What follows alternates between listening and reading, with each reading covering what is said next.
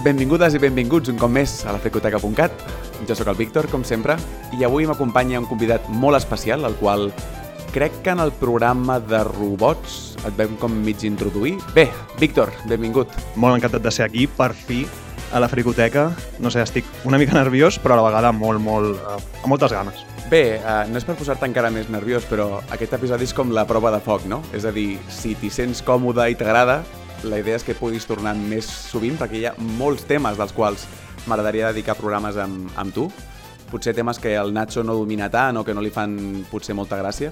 Així que per això avui comencem amb aquest tema que és com tan de casa teva, que és el, el màgic, i així, doncs, no sé, potser tots et pots trobar com en el teu en les teves aigües, no?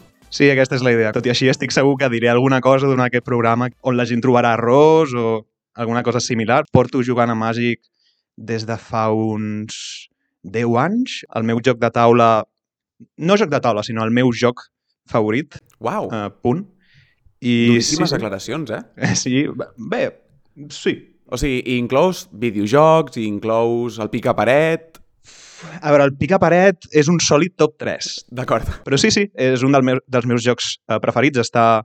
Bé, no sé, en parlarem durant aquest programa i, i intentaré donar raons per les quals eh, dic això, però sí, sí. El dia, vam fer un episodi ara fa un, uns dies amb el, amb el Nacho, que no sé si es publicarà abans o després d'aquest, perquè sempre seguim una línia temporal una mica mm, laxa, diguem, però vaig parlar de tu en el sentit que, que ets una persona que som molt similars en molts sentits, però alhora, dins el que és el nostre apropament o el nostre approach al, al món friki, el tenim molt diferent. Jo sóc una, un aficionat que es decanta moltíssim pels productes que en podríem dir cookies, no? M'agraden els, els productes wholesome, m'agraden els productes amb, amb mascotes i colorits i, i molt macos, i tu potser més la vertent Berserk, Dark Souls, mm, metal, així més... Bueno, i el màgic és una mica metal també, no? És una mica com aquesta barreja de... de... És veritat que al màgic, al, màgic li agrada explorar una mica aquests mons més obscurs, més tètrics i, i que de vegades fan bastanta por. De fet, eh, m'agradaria en algun moment del programa parlar de- d'aquesta última expansió que s'està revel- revelant ara mateix, eh, que és 100% cyberpunk, eh, terrible, molt, molt, molt grotesca, però a la vegada molt xula. I sí, com anava dient, sóc una mica més el, com, diguem-ne, el, el hardcore gamer dels dos, no? El, l'edgy, la persona edgy a la que li agraden les coses que deprimeixen una miqueta. Sí, més que, més que hardcore potser és edgy la paraula. Sí, jo diria que és. Perquè hardcore seria l'oposat a casual. I, de, I jo no em consideraria casual gamer ni de conya. o sigui, abans d'entrar en el tema del màgic, voldria preguntar-te una mica què estàs consumint últimament? A part de drogues duríssimes, quin tipus de... quins mangas estàs llegint, quines sèries estàs mirant, quins videojocs estàs jugant... Doncs, com saps molt bé, el Genshin Impact recentment han tret el seu propi joc de cartes dintre del joc. Wow. Es diu el Genius Invocation TCG. Tipo el Gwen en el The Witcher, no? Sí, una cosa similar. Um, L'única forma de jugar aquest joc és dins del propi Genshin Impact i és un joc de cartes molt senzillet, molt casual, però com a persona que li agrada el màgic, doncs, i com a persona que és una addicta al Genshin Impact, um, és, és una ocasió molt, molt xula, no? I he estat jugant només una miqueta, no he pogut jugar gaire, però m'està agradant bastant. És un cop més un, un passatemps més que un passatemps més que, ten, que tens dins del joc per, per, per, per oblidar-te que, que en realitat és, el joc és una addicció completa i no sé. Sí, és que realment aquests jocs es configuren el, a través del perfil online o del perfil, com t'ho diria, free to play. Al final, l'èxit, suposo, de la fórmula és trobar noves maneres de que la gent es passi encara més hores ficada dintre del món virtual, no? 100%. I trobo que el Genshin és expert. Cada expansió nova que treuen troben noves formes d'enganxar-te, de, ja bé sigui amb un petit minijoc. Més que res per donar-te aquesta sensació de si no hi estic jugant, m'estic perdent alguna cosa i per tant he de jugar constantment. És que no t'ho perdis, no fa gaire van denunciar a la companyia de Fortnite perquè havien... O sigui, segons la, com la, la base de, de la denúncia era que havien creat Fortnite sabent que seria un joc eh, addictiu. I és com... Aviam. És, és terrible, però a la vegada no, no sorprèn. Perquè tal com funciona el, el mercat del gaming avui dia, aquest, com aquesta exclusivitat que venen certs jocs, aquest FOMO, no? és, sembla que, que és l'única forma d'aconseguir que, que els jugadors continuïn jugant. No? Això d'estar sempre com en la cresta de la onada, no? Constantment. Sempre ha de ser tot novedós, tot ha de ser Sí, tot ha de ser l'última actualització, el 9.999, saps? Això de mm, continuar... Mm, això de perpetrar el joc fins que, fins que la gent es cansi totalment i, i acabin deixant de jugar-lo. M'encanta com això contrasta completament amb altres perfils, com podrien ser el meu, on la, la diversió màxima quan estic jugant en videojoc és segurament ve d'un joc retro, no? Quan has entrat al meu pis estava jugant al Mega Man 5 de la, de la Nintendo. I és com la gent que intenta estar constantment... O oh, no, no crec que ho intentin realment, crec que és més una, una cosa generacional i d'una forma d'haver viscut el videojoc, potser. Gent que ara tenen uns 15 anys o així, que ho han viscut així, ho han, ho han mamat d'aquesta manera, no? Sí, al cap i a la fi, nosaltres, tot i la petita diferència d'edat, hem viscut una, una evolució dels videojocs molt diferent a la que, a la que estan vivent ara mateix els, els més joves i, i sí, la gent que està més acostumada a això, doncs, doncs per ells imagino que no representa un gran problema, no? però per nosaltres que quan érem més petits vam, vam experimentar com la, el, diguem-ne, la, la part més alta dels jocs d'un sol jugador, mm, doncs el canvi xoca bastant. Doncs vull aprofitar aquesta mena com de, de segue per començar a parlar de, de Magic. Magic és un joc de cartes, com, com sabreu, suposo que tota la gent que ens escolta. Fins a quin punt és important a Màgic estar a la cresta de la onada constantment? És a dir, actualitzacions, compra de sobres nous, mantenir el teu, el teu piló de cartes de forma que no es quedi potser desfassat. Fins a quin punt és important això? Doncs això depèn totalment de, del que tu vulguis de Màgic. Un, un dels punts més positius que jo trobo que Magic té com a joc de cartes és la immensitat de formats que ofereix pel jugador. Uh, sí, has de saber jugar al joc, però tot i així, si la teva intenció és tenir una experiència casual, doncs formar-te el teu piló de cartes i no actualitzar-lo mai més, jugar amb els col·legues, no sé, dos cops al mes i passar-t'ho bé, cap problema. No és necessari seguir les actualitzacions, no és necessari tenir en compte els productes nous, fins i tot pots decidir jugar només amb productes d'abans de l'any, no sé, 2010, per dir alguna cosa, saps? O sigui, l'experiència és totalment personalitzable. Això sí, si la teva intenció és jugar una mica més competitiu, doncs et tocarà estar al dia. Eh, hi ha gent que es dedica única i exclusivament um, a, a fer això, a jugar amb el meta, veure quines són qui, quins són els pilons més potents, mirar... I, clar, i això sempre depèn del format, també. Que guai. Doncs explica'ns una mica per qui no ho sàpiga o potser qui no ho hagi jugat mai, què és Màgic? Perquè ho he intentat explicar abans, però m'he quedat absolutament fora de... A veure, Màgic és un joc de cartes intercanviables. És el primer joc de cartes intercanviables que, que es va formar. Es va formar l'any 93. És el primer de tots? Mhm. Mm Uau! Fins on jo entenc, Màgic és al joc de cartes. Clar, potser és el primer en, en fer-se mainstream o el primer en fer-se internacional. Sí, així. Qui sap, potser a Polònia existia un joc, no? Però... Exacte, sí. Però va ser el, el primer joc que va popularitzar el terme TCG i, i que es va convertir en, en, doncs això, en un joc mainstream, com deies tu. TGC, Trading Card Game, no? O sigui, joc de cartes intercanviables. Ok. Correcte. I bé, què és el màgic? És, és molt difícil descriure què és màgic, però bàsicament... És un estil de vida, és una droga, és un...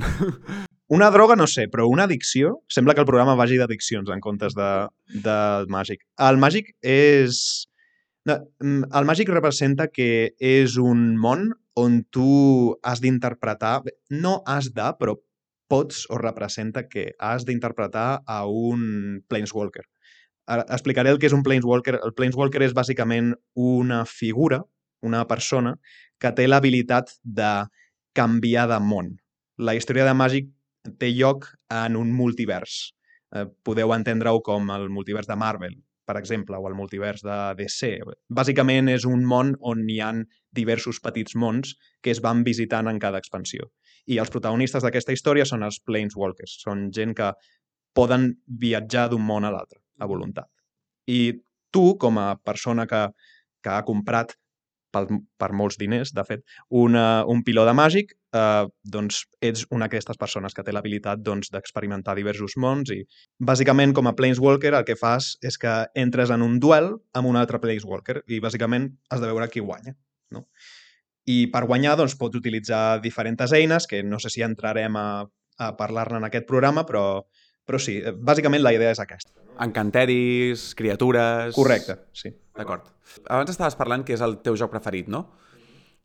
Què el fa que sigui millor o que t'agradi més? Perquè al final és un punt de vista totalment subjectiu, no? Però per què consideres que Màgic et dona més que els videojocs, per exemple, o que el pica paret?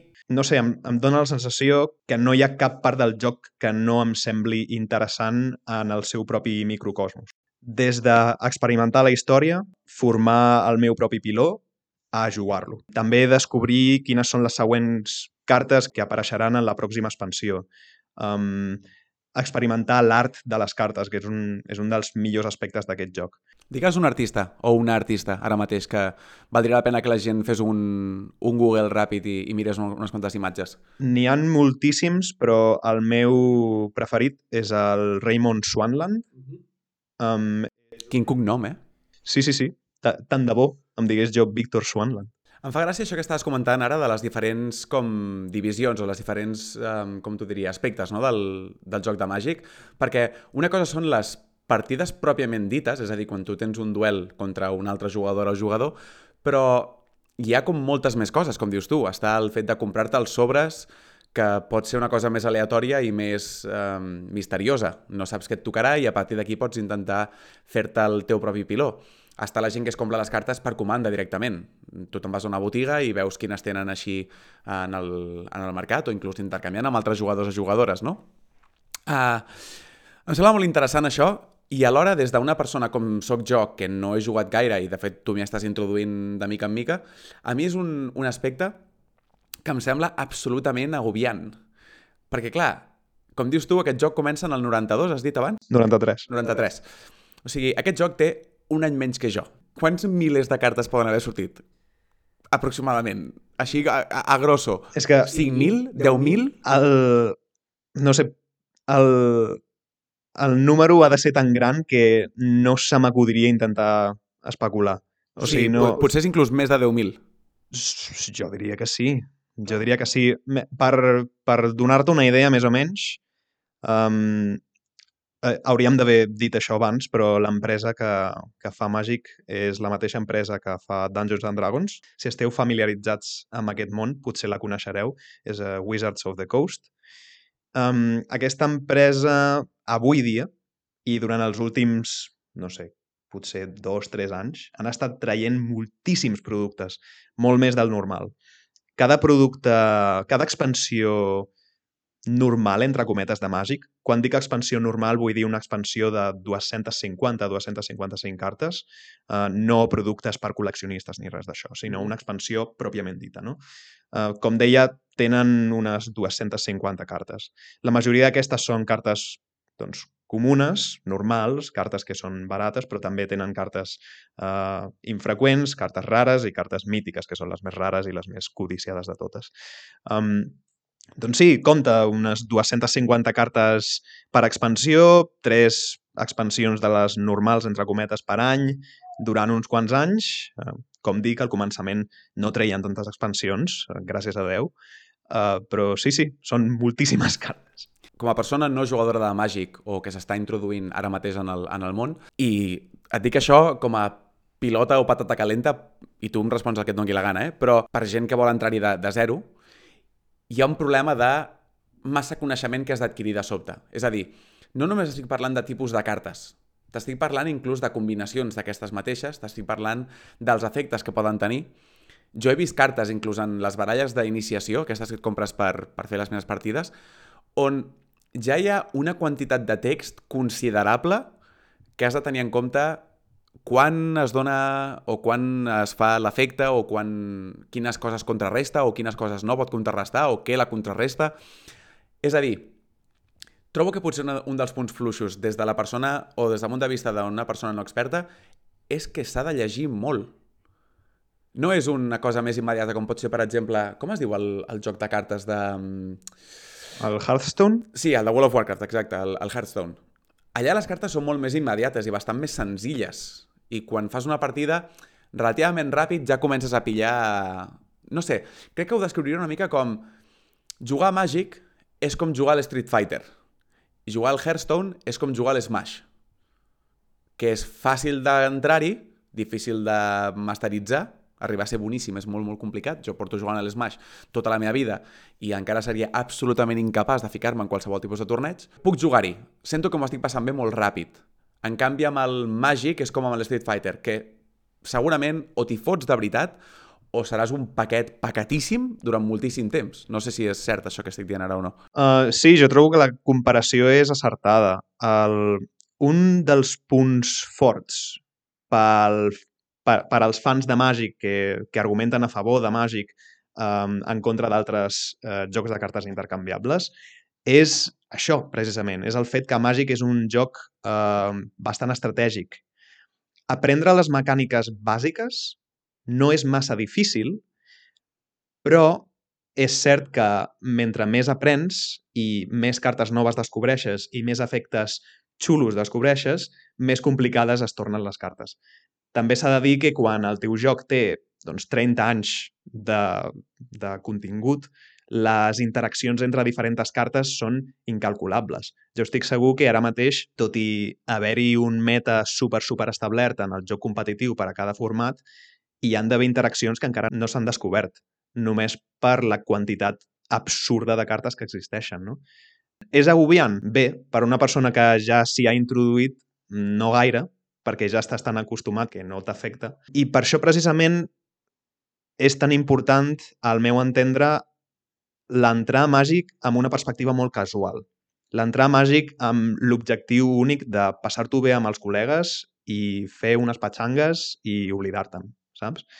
Per això formats com ara Commander són tan, tan populars. El Commander és un format eh, purament casual. L'idea és això, és passar-t'ho bé. De vegades el Commander és molt més divertit eh, que el teu piló faci una cosa molt, molt absurda, que la resta de la taula es quedin bocabadats i després perdre la partida. Saps el que vull dir? Um, aleshores, començar d'aquesta forma casual és guai perquè si vols quedar-te aquí pots fer-ho i després, si vols continuar amb aquestes mecàniques més complicades, amb aquest actualitzar-te constantment del que, parla, del que parlaves tu, doncs sí, pots fer-ho també. Fins a quin punt és complicat amb un joc de 30 anys, com dius tu, mantenir l'equilibri dintre de les cartes, dintre dels... Com fas que unes cartes que són boníssimes de sobte no desequilibrin completament el, el joc o que de sobte una, una actualització no el trenqui del tot, no? Com, com aconsegueixen que, que es faci això? És altament difícil.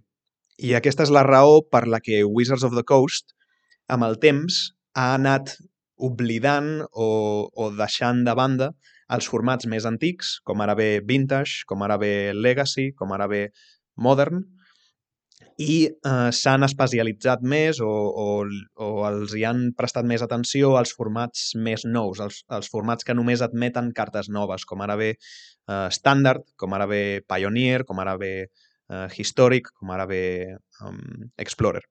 Eh, tots aquests formats nous... És una forma, suposo, de controlar el camp de joc, no? I que no se't dispari per una banda o per l'altra. Correcte.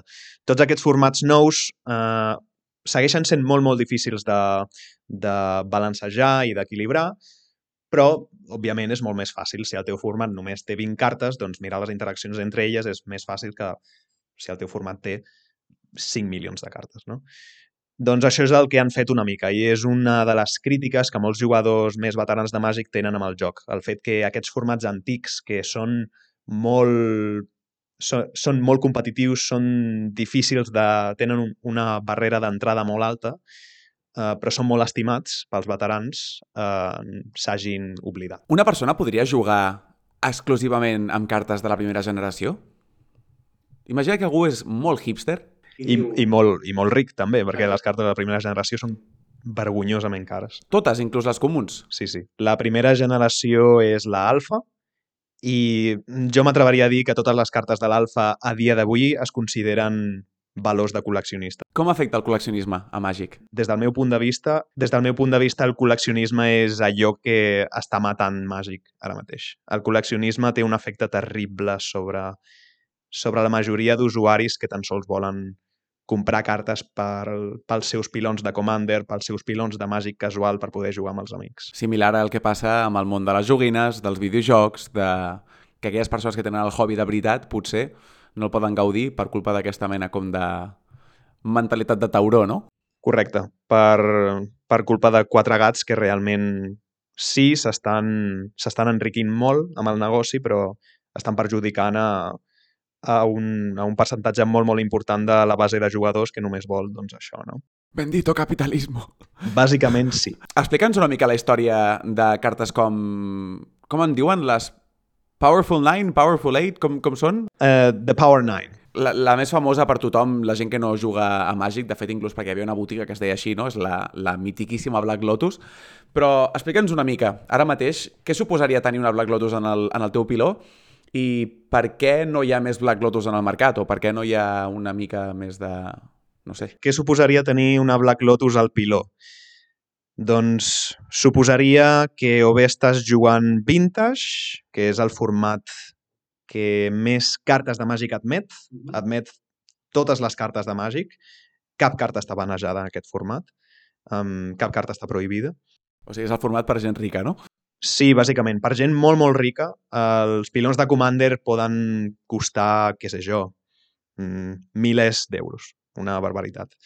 Um, o bé que estàs jugant eh, Cube, que és un altre format que també admet molt, moltes, moltes cartes. Però, bàsicament, què vol dir que estàs jugant un Black Lotus? Doncs vol dir, això primer, que te l'has pogut comprar, i segon, que has de jugar amb gent que probablement també té Black Lotus, perquè la carta no només és cara perquè si un bé de col·leccionista. La carta és cara perquè és la millor carta del joc, o una de les millors. Um, doncs sí, probablement si tu tens un Black Lotus només estaràs jugant amb gent que també en tingui un, perquè si no guanyaries un número important de partides, no? Um, hi ha gent que ho fa, hi ha molta gent que ho fa no per col·leccionisme, sinó perquè vol no sé, perquè vol experimentar el que és jugar amb aquesta mena de carta. Um, si us sembla que no estic representant bé aquesta mena de gent és perquè no, no hi empatitzo gens ni mica, no, no sabria... No entenc per què, per què la gent voldria jugar amb un Black Lotus realment. O sigui, és, és una carta el Black Lotus o qualsevol carta del Power 9. Eh? Són, són cartes que són molt, molt poderoses i que afecten el joc de forma molt, molt especial. No? Com deia abans, si tu les estàs jugant, els teus contrincants probablement també volen jugar-les. Per tant, estem parlant d'un grup de jugadors molt, molt tancat, molt, molt específic. La majoria de gent no, no, no juga amb aquesta mena de cartes. I explica'm una mica això que et deia abans, que això trobo que és molt interessant, a mi com a mínim m'ha agradat molt com m'has explicat, i, i trobo que és una cosa que la gent li, li farà gràcia entendre o saber-ho. Explica'm una mica la història de per què no s'han fet més Black Lotus, per què no s'han fet més cartes d'aquestes que, que semblen que la gent les vol, no? Una mica com dintre del món del, del joc de Pokémon hi ha unes quantes que també són molt preciades, però jo és que, sincerament, quan he comprat cartes de, de Pokémon, de fet, de petit en comprava moltíssimes i tinc unes quantes que tenen un valor bastant, bastant elevat, um, ho feia purament per un tema de... com si fossin cromos. Ho compraven per les fotos i perquè eren xules, tenien un, un art molt, molt guai, no? No vaig, no vaig arribar a jugar-hi mai i crec que avui en dia les cartes antigues, com per exemple el, el mític Charizard de primera generació, que tinc per aquí a l'estanteria, por ahí, sí, um, crec que a dia d'avui potser a nivell de joc no és gaire fort, perquè mm, ha quedat com molt desfassada. Ara hi ha, hi ha cartes amb molt més poder, que costen menys manar, digue-li com vulguis. Però Clar, a, a Pokémon es fa aquesta distinció potser entre el joc actual i el col·leccionisme i no el trenca, però per què a Màgic no hi, no hi ha hagut aquesta possibilitat de mantenir aquestes cartes en la, com en la roda, no? Sí. Existeix una cosa que es diu la Reserved List, no? la llista reservada de cartes que no es podran tornar a imprimir mai més. Um, per què existeix això? Doncs bé, a Magic van fer tres primeres col·leccions molt exitoses, la Alpha, la Beta i la Unlimited, on es van imprimir les cartes de les primeres generacions. Totes aquestes cartes que, com parlàvem abans, són béns de col·leccionista. Les originals, no? Com una mica el, no sé, el grial de, de Màgic, no? Uh, aquestes cartes, des del, des del començament de Màgic, um, uh, van ser molt cotitzades. I què va passar? Que molts col·leccionistes es van fer amb, amb números molt, molt alts d'aquestes cartes per especular amb elles i quan es van reimprimir en la tercera col·lecció, en Unlimited, eh, molts d'aquests col·leccionistes es van queixar perquè, perquè el valor d'aquestes cartes va baixar una mica. Aleshores, eh, Wizards of the Coast, l'empresa que fa Magic i aquests col·leccionistes van arribar a una mena d'acord, que era aquesta Reserved List. És una llista que conté moltes, moltes cartes antigues que mai no es tornarà a imprimir. Bàsicament es tracta d'una un, mena d'acord, d'una mena de promesa cap als col·leccionistes i és una llista que fa molt, molt de mal a Màgic. En aquell moment en el que es va fer, no sé exactament l'any, em sembla que la Unlimited, la tercera col·lecció, és del 99, o sigui que més o menys eh, a principis dels 2000, finals dels 90, és quan es va fer aquesta promesa. Des d'aleshores, mm, quan es va fer la promesa imagino que semblava una bona idea, però des d'aleshores els propis eh, Wizards of the Coast han, han, eh, han admès públicament que, que els sembla una mala idea però que és una cosa que no poden desfer. És una promesa que no es pot. Per què no? És a dir, quina conseqüència podria haver-hi realment? Imagino que conseqüències legals. Això és tot un acord que es va fer en aquell temps i si es trenqués hi hauria una sèrie de conseqüències econòmiques amb les que Wizards i en última instància Hasbro, que són els propietaris d'aquesta empresa, eh, no volen, eh, no, els que no es volen enfrontar però em sona que fa poc hi ha hagut algun no sé, una mica de rebombori amb aquest tema, no? Sí, exacte. Um, abans he dit que els propis Wizards havien admès que, que no els hi agradava la Reserve List a dia d'avui, en el 2022. Uh, quan deia això volia dir que el, el líder, el cap del departament de disseny de Wizards, és un senyor que es diu Mark Rosewater, um, bastant, més o menys estimat, però a la vegada no tan estimat per la comunitat. És una figura una mica polaritzant uh, per molts fans de Màgic. Aquest senyor va ser el que va dir públicament doncs mira, si pogués, em desfaria de la Reserve List. No? Um, aquest senyor i el seu departament, eh, o bé els de màrqueting, o bé Hasbro, no, no ho sabem molt bé, van arribar a una forma de doncs, donar-li la volta a la truita amb el tema de la Reserve List recentment pel 30 aniversari de Màgic. Van decidir reimprimir totes aquestes cartes, o moltes d'aquestes cartes, que figuren a la Reserve List, al Black Lotus i al Power 9 inclòs, um, les cartes més poderoses de tot Màgic i les cartes més cares, no? Però les van reimprimir no com a cartes legals, no, no com a cartes que tu pots jugar en un torneig o en un event especial, sinó com a proxys. Eh, per tothom que no ho sàpiga, un proxy bàsicament és una còpia d'una carta. I els proxys són una cosa que estan més o menys acceptada per la comunitat, especialment en, en el màgic més casual. No? Si tu jugues amb els teus amics i pots jugar amb, no amb un Black Lotus, però amb una carta que potser val 100 euros, 150 euros, et fas el proxy i la majoria de gent ho acceptarà sempre ha d'haver-hi una mica de debat i preguntar si els hi sembla bé o no. Si jo vaig a un torneig, per exemple, d'una botiga de Barcelona i vaig amb una baralla... Imagina que tota la meva baralla són proxys, sencera. Podria o no? Normalment, en aquesta mena de... No sé si dir-los tornejos, però li direm al Friday Night Magic, que normalment són els petits tornejos que organitzen les tendes, no? Si tu al Friday Night Magic hi vas amb un piló ple de proxys, és possible que alguns dels jugadors o els propis propietaris de la tenda t'expliquin mira, o sigui, l'esperit de màgic no és una mica aquest, saps? Especialment quan estàs acudint a un event organitzat per una persona que ven cartes de màgic, no? La idea és com fer una mica el, el, el tira i afluixa, diguem-ne, no? Jo et compro uns quants productes, tu em deixes participar, guanyo un premi, etc etc. no? És a dir, probablement no, no s'acceptaria. Probablement els jugadors et dirien alguna cosa, probablement el, el propietari et diria alguna cosa. Um, una cosa és jugar amb els teus amics una cosa és jugar en una tenda. Això sí, si tu portes un sol proxy, depèn una mica d'amb qui estiguis tractant, però en general la gent acostuma a ser bastant, uh, bastant sensata en aquest sentit. I mm, aquesta nova impressió de Black Lotus i ha tingut èxit o no? Ha sigut un complet fracàs per un sol motiu, perquè fins ara, tal i com ho hem explicat, la idea sona boníssima. És a dir, és una forma de... Mm, és una forma d'evitar la research list, és una forma de fer que aquestes cartes arribin al mercat un altre cop, és una forma de fer que aquests col·leccionistes doncs, no estiguin acumulant tot aquest valor a, a cases seves. No? Un buit legal trapella.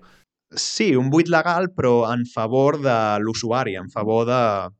en el nostre favor, bàsicament. De les masses, sí. Exacte. Fins ara una idea maquíssima. El problema és que cada capsa de Magic eh, 30è aniversari, que és com li han dit al producte, cada capsa són unes 60 cartes aproximadament, costen 999 amb 99 euros. Un preu que no només no ha fet que el valor de les cartes originals no baixi gaire, sinó que ningú es pot pagar. Ni tan sols les tendes s'ho poden pagar. Perquè, de fet, per 1.000 euros podries trobar una Black Lotus. Potser no en condició increïble, però una Black Lotus una mica arrugadeta i tal, per 1.000 l'aconseguiries, crec jo, no? No posaria la mà al foc, però m'atreviria a dir que no.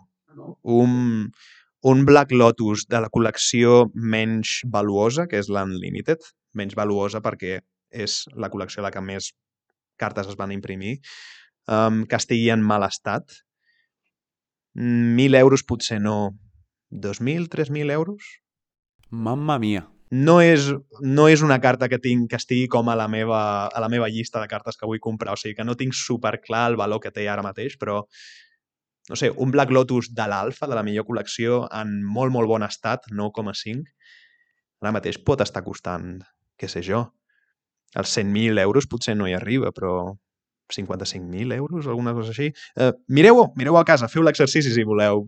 Aneu Google, Black Lotus, Alpha, uh, 9,5, a veure què hi posa. price chart, aviam què, què surt. Sí, a veure. Aviam, tampoc vull donar la sensació que Magic és un joc extremadament car, perquè sí que ho és, d'una banda, i, i pot arribar a ser-ho, però realment, com tu dius, si el que vols és jugar amb, amb les teves amistats i, i una mica de forma més casual, Uh, em sona que hi ha moltes partides i molts campionats en els quals tu entres, compres X sobres, els suficients com per tenir una baralla, i, i ja pots jugar directament. Per tant, realment hi ha com una, una forma d'entrar que és més econòmica. I de fet també em sona, no sé si pots explicar-nos una mica, aquesta, aquesta forma de jugar que es diu Pauper, en la qual només jugues amb cartes comunes i per tant una baralla pot costar-te, doncs, no sé, 60 euros, 50 euros com a màxim. Sí, correcte.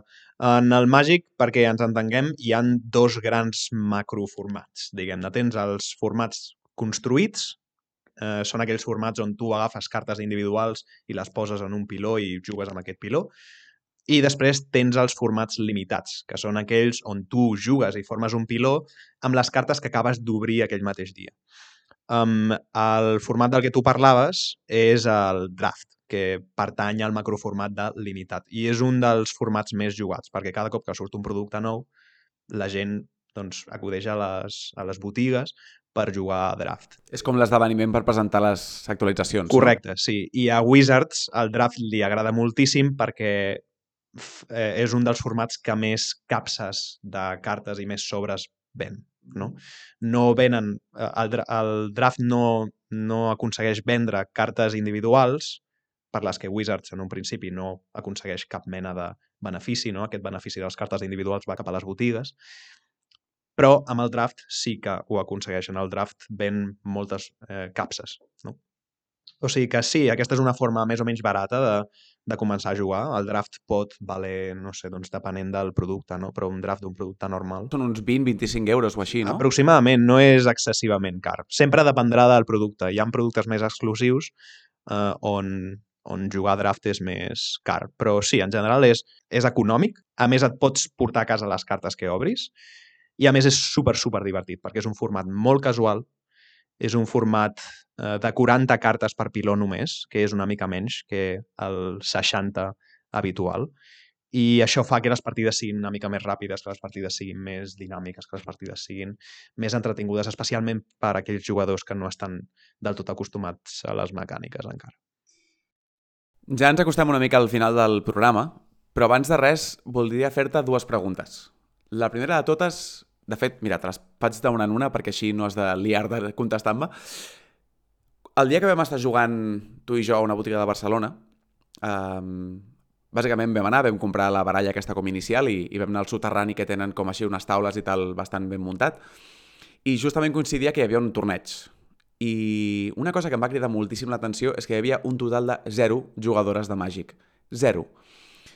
Posteriorment vaig fer una mica d'investigació i vaig estar mirant una mica com els típics demogràfics que hi ha dintre dels diferents jocs, diferents comunitats, i em vaig quedar a quadres de la quantitat completament, bueno, gairebé negativa de, de jugadores de Màgic, que segur que existeixen, segur que tenen les seves comunitats, però vaig, de veritat, eh, em vaig quedar absolutament al·lucinat de fins a quin punt era un joc dominat per homes.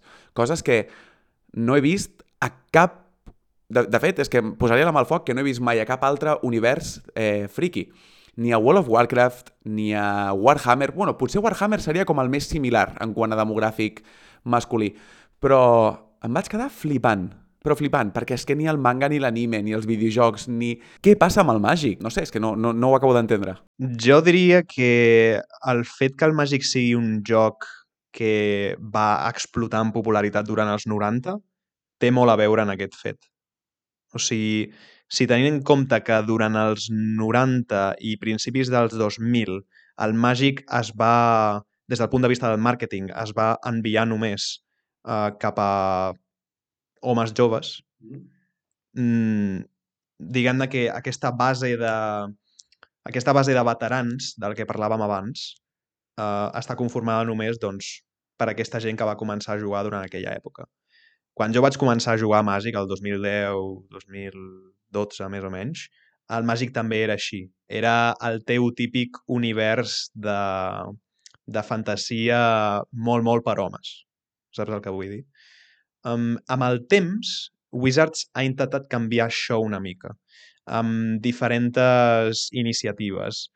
Mm, D'una banda, a nivell de les cartes, a nivell de les il·lustracions, hi ha molta més diversitat en els personatges que es poden veure.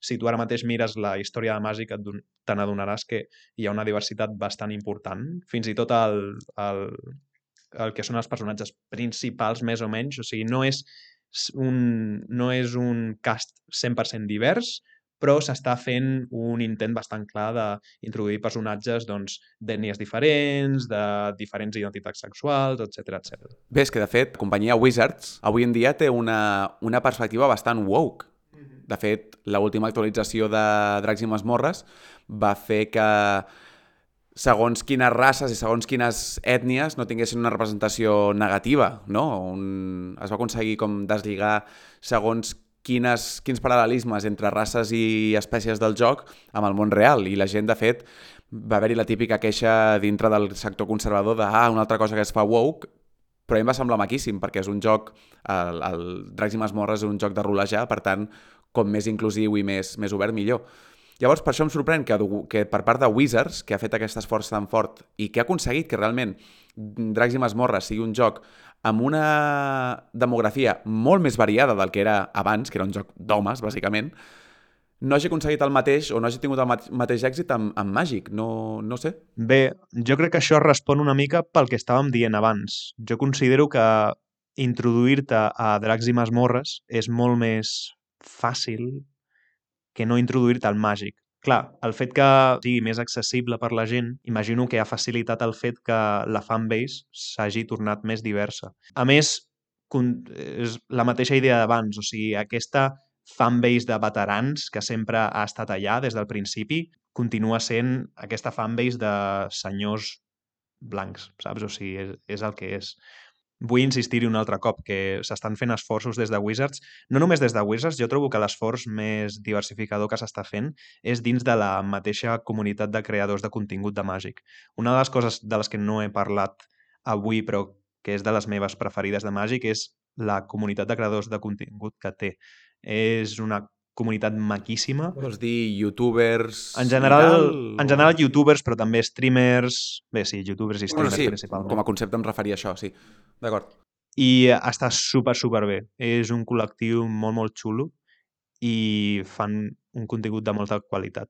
I el que està bé és que aquesta pròpia comunitat també és molt diversa. Aleshores, el fet que això existeixi i el fet que la companyia sembli que, que volen posar-se les piles amb el tema, em dona esperança de cara a un futur. Però sí, és cert que el màgic sempre s'ha associat amb, amb aquest perfil no? de, del friqui de 40 anys. Perquè trobo que una cosa que ha de ser bastant... Um, no sé, que tira molt enrere, potser, és ser dona, amb tot el que suposa ser dona dintre del món friqui, que, que un dia em podria parlar-ne no? de, del que pateixen a nivell d'online, en videojocs i tota aquesta pesca, i haver-t'ho de trobar en persona amb el, el típic síndrome de, de, de l'impostor, trobar-te que de sobte estàs invaint un espai o, no sé, suposo que també ha d'haver-hi com un, un cert factor de gatekeeping per part dels jugadors masculins, segur, uh, perquè ja sabem com som a vegades amb el tema de, de les dones dintre dels nostres espais, no? No sé, tant de bo sorgeixin um, iniciatives de jugadores de Màgic i que a poc a poc vagin agafant un espai, perquè, no sé, trobo que seria fantàstic. I no només dic Màgic, dic Màgic, com dic, videojocs de tot tipus i dic mm, jocs de taula de tot tipus. Però, però hòstia, sí, em va, em va sorprendre moltíssim i em va com... A mi em va crear una mena com de rebuig, perquè vaig pensar, uau, estic entrant en un món que és, és tan, no sé, tan exclusiu, per dir-ho manera, no?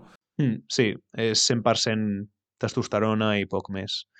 Sí, tant de bo, tant de bo existissin iniciatives com aquesta i tant de bo, tant de bo vingués a...